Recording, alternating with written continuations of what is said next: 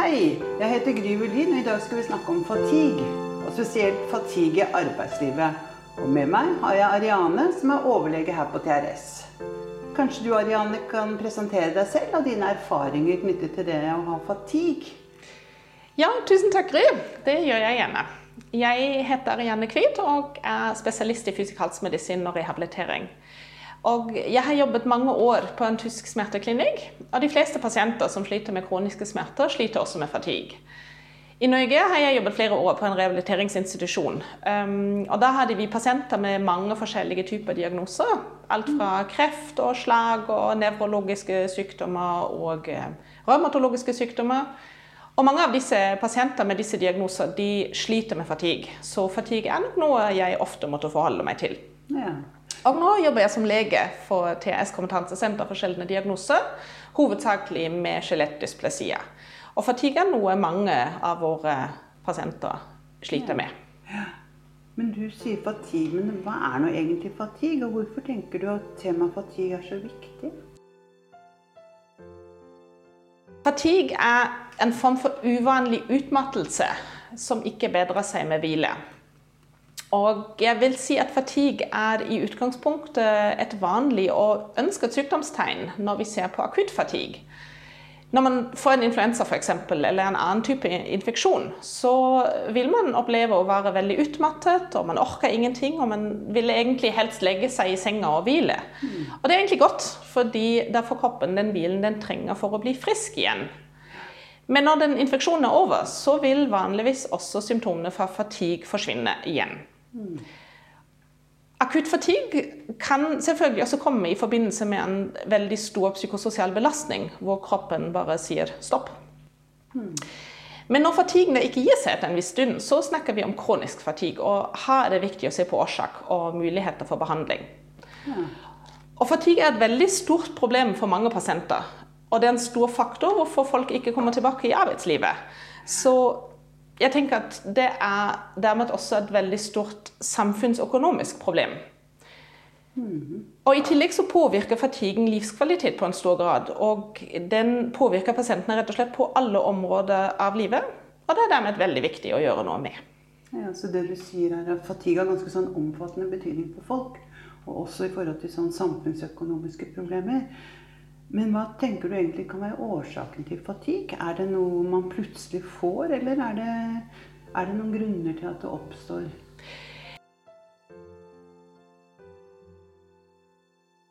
Det er jo veldig mange forskjellige grunner hvorfor noen kan få fatigue. Eh, og når man ser på kronisk fatigue, så finner man oftest, men ikke alltid, en eh, underliggende sykdom som er assosiert med fatigue. Og Det kan f.eks. være en kreftdiagnose, en revmatisk eller en nefrologisk diagnose.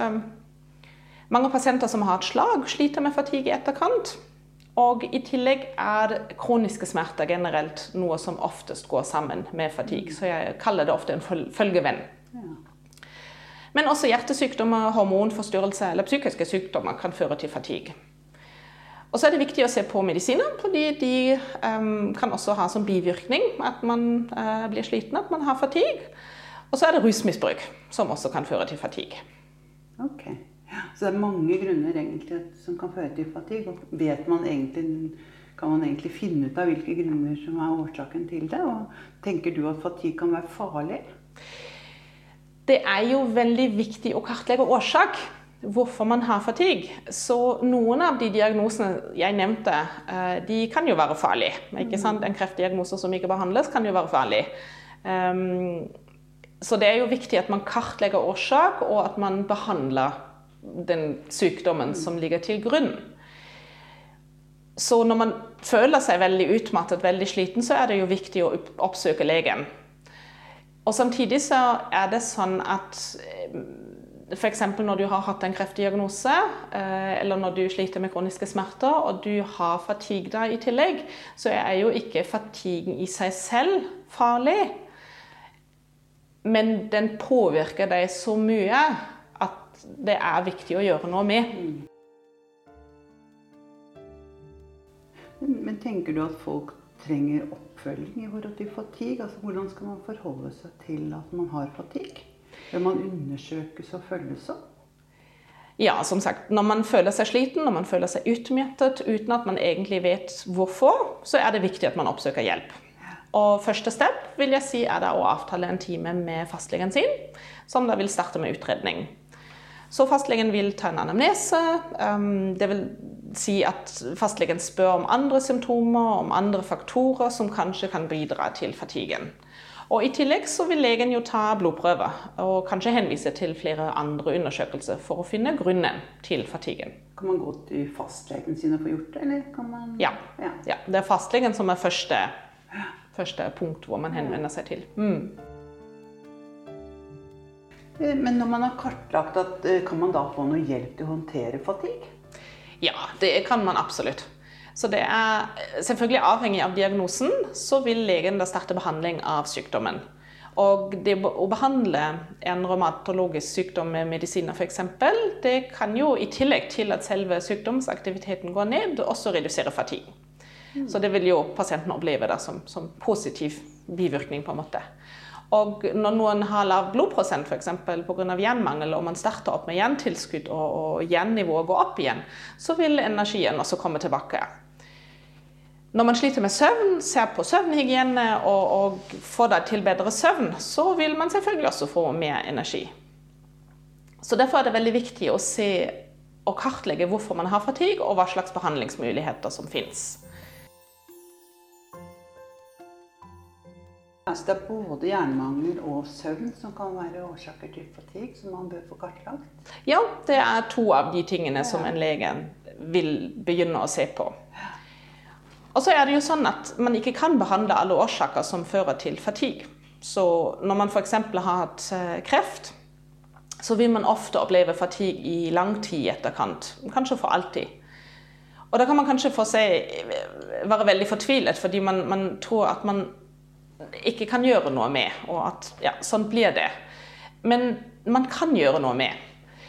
Så da er det veldig viktig å se på hvordan man bruker den energien man har igjen. Hvordan man kan øke energinivået, dvs. Si hva man kan gjøre for å gi påfyll av energi. Og Da kan man se på alle aktiviteter som man gjør i løpet av en uke, og kategorisere etter dette må jeg gjøre, og dette kan jeg gjøre, og dette har jeg lyst til å gjøre. Så, er det noe man som kaller sånn energiøkonomisering? Ja, akkurat. Det er det. Ikke sant? Og da kan man også få hjelp av andre til å, til å kartlegge og ta en sånn vurdering. Mm. Og det er jo sånn at man må spise, og man, man må sove, og man må ta vare på personlig hygiene, f.eks. Og mange vil kanskje også komme med at ja, men jeg må vaske huset, og jeg må handle. Men hvis uken består av veldig mange av disse må-oppgaver, som da stjeler energi, men ikke gir noe glede tilbake, så har man lite energi igjen til de tingene man egentlig har lyst til å bruke energien til. Og da må man vurdere om ikke det fins noen ting som man da kan sette bort. Så f.eks. bestille mat i stedet for å dra til butikken. Eller spørre venner om å kunne få hjelp. Og jeg vet at det kan sitte veldig langt inne å be om hjelp. Men de fleste mennesker rundt oss de, de hjelper faktisk gjerne når de blir spurt. Mm. Og på den måten så får vi beholde noe av energien til bruk for gøye aktiviteter. Og det er nok også oftest disse aktiviteter som da gir oss noe energi tilbake. Mm. Det kan ofte være litt sånn vanskelig å spørre venner og, og få forståelse for det, tenker du? Ja. Ja, og samtidig så tenker jeg at det å være åpen og ikke skjule alt og holde opp en maske, det, det, kan faktisk også hjelpe å redusere fatiguen. Fordi det å holde opp en maske, det å late som alt er fint, det koster masse energi. Det koster masse krefter.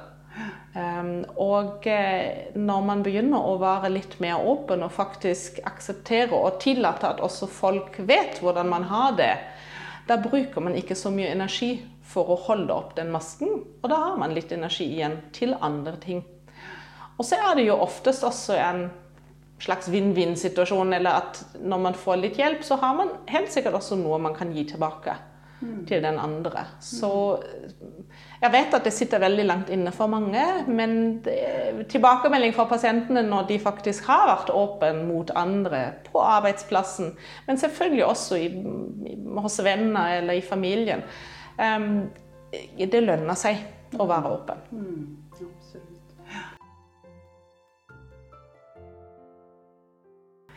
Og så tenker jeg at det er veldig viktig at man også ikke bare ser det sånn um, svart-hvit.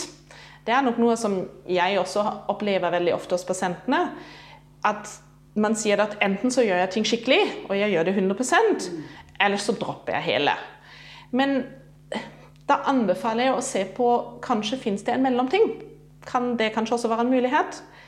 Så Ofte kan det jo være veldig vanskelig for en selv å ta alle disse vurderinger som, som jeg nå snakker om. Og Da kan det være veldig til hjelp å ha noen å snakke sammen om alle disse tingene. Og Det kan både være en venn, en fra familie, fastlegen, en psykolog eller en, en annen fagperson.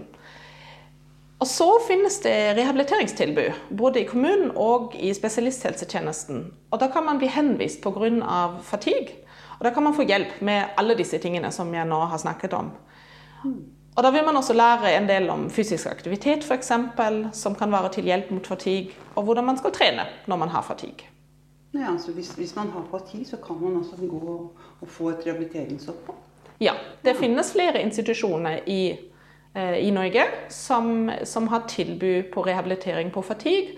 Og da er det gjerne sånn at den underliggende sykdom på en måte bestemmer på hvilken institusjon man kommer. Så når man har kreft og fatigue, så eh, finnes det spesielle institusjoner for det. Når man har kroniske smerter og fatigue, så finnes det andre institusjoner som kan passe.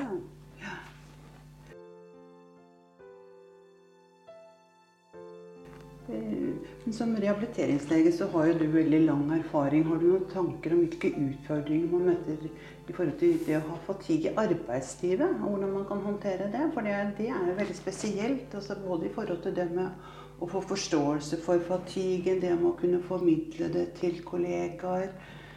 Eh, hvordan skal man håndtere det? Og ofte så tar jo ikke folk hensyn til det. Ja, og da vil jeg kanskje si at både de som har fatigue, ønsker helst ikke å ta hensyn til det.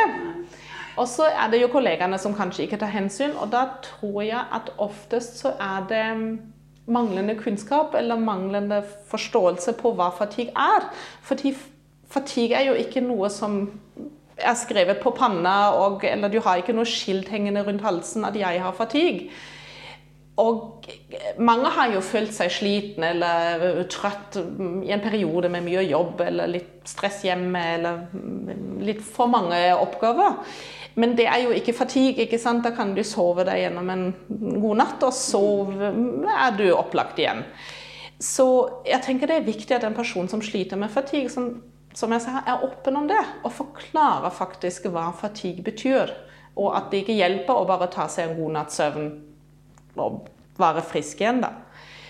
Så jeg vil si, når man da sliter med fatigue, så, så ja, Det handler jo mye også om aksept. At man, man, kan ikke lenger levere på samme nivå som man har tidligere gjort. Så når vi snakker arbeidslivet, så, så vil man trenge mer pause, man, man får dårlig samvittighet overfor kollegaer eller kunder.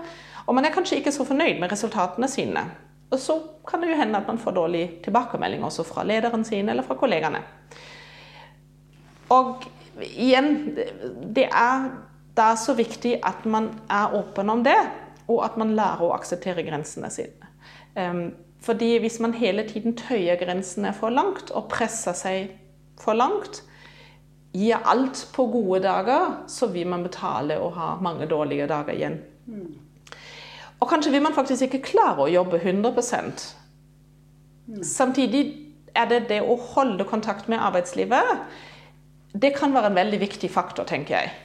Fordi det gir masse sosial, um, sosial kontakt um, som, som, er veldig viktig for, for alle oss, for, for alle mennesker. Og så tenker jeg det er veldig viktig å kartlegge hvordan jobben um, kan tilrettelegge for at man kan ha det best mulig. Og der finnes det jo mange veldig konkrete eksempler som kan hjelpe. Så f.eks. så kan det å være å, å ha et eget kontor og ikke måtte sitte i åpent landskap, kan være veldig hjelpsomt for en person som har fatigue. Fordi mange, mange får forverring av fatigue-symptomer når de opplever mye støy eller mye aktivitet rundt. Så det å bli litt skjermet kan faktisk hjelpe. Um, og så bør man selvfølgelig se på selve arbeidsplassen, og da gjerne med en ergoterapeut som finnes i kommunen, eller kanskje også noen som, som jobber på selve arbeidsplassen, som har kunnskap. Og Så bør man også se på muligheten å justere timeplanen sin. F.eks. kunne starte noe senere hvis man da har hatt en dårlig natt. Eller også muligheten på hjemmekontor. Det har jo de siste to årene eh, økt betraktelig. Og jeg tenker dette for, for, personer som har fatigue, så kan nok hjemmekontor være en veldig god løsning til å likevel bidra mye. Fordi da slipper man all den stress i forhold til reisevei og kan tilrettelegge og ta sine pauser mm. uh, ja, som, som, det passer. da. Og så er det også dette at mange kan ha veldig god nytte av å ha muligheten for å hvile på selve arbeidsdagen, så på, på arbeidsplassen. Dvs. Si f.eks. ha en sofa eller en hvilestol stående på kontor.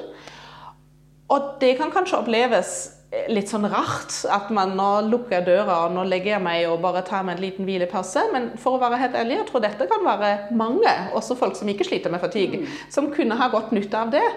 Så så som sagt, jeg tenker det er veldig enkle tiltak som av og til um, kan, kan, være til ganske stor nytte og hjelp. Mm, kanskje noe man kunne innført på flere arbeidsplasser, egentlig? Nettopp Litt sånn hvilerom er jo ikke så uvanlig, egentlig. Nei, ikke sant. Det er jo faktisk noen arbeidsplasser som tilbyr det, uansett om du har fatigue eller ikke. Så jeg tenker absolutt at dette kan være noe som Ja, hvis det er flere som bruker det, så føler man seg kanskje ikke så alene Tusen takk, Ariane. Dette var veldig bra. Eh, er, som man ser, så er det jo mange muligheter i forhold til det med fatigue i arbeidslivet. Og at man tar tak i det og gjør noe med det også. Så takk skal du ha. Det er viktig at du presiserer at folk har kartlagt seg, og at de blir fulgt opp. Og at det fins ganske mange muligheter i forhold til det med fatigue.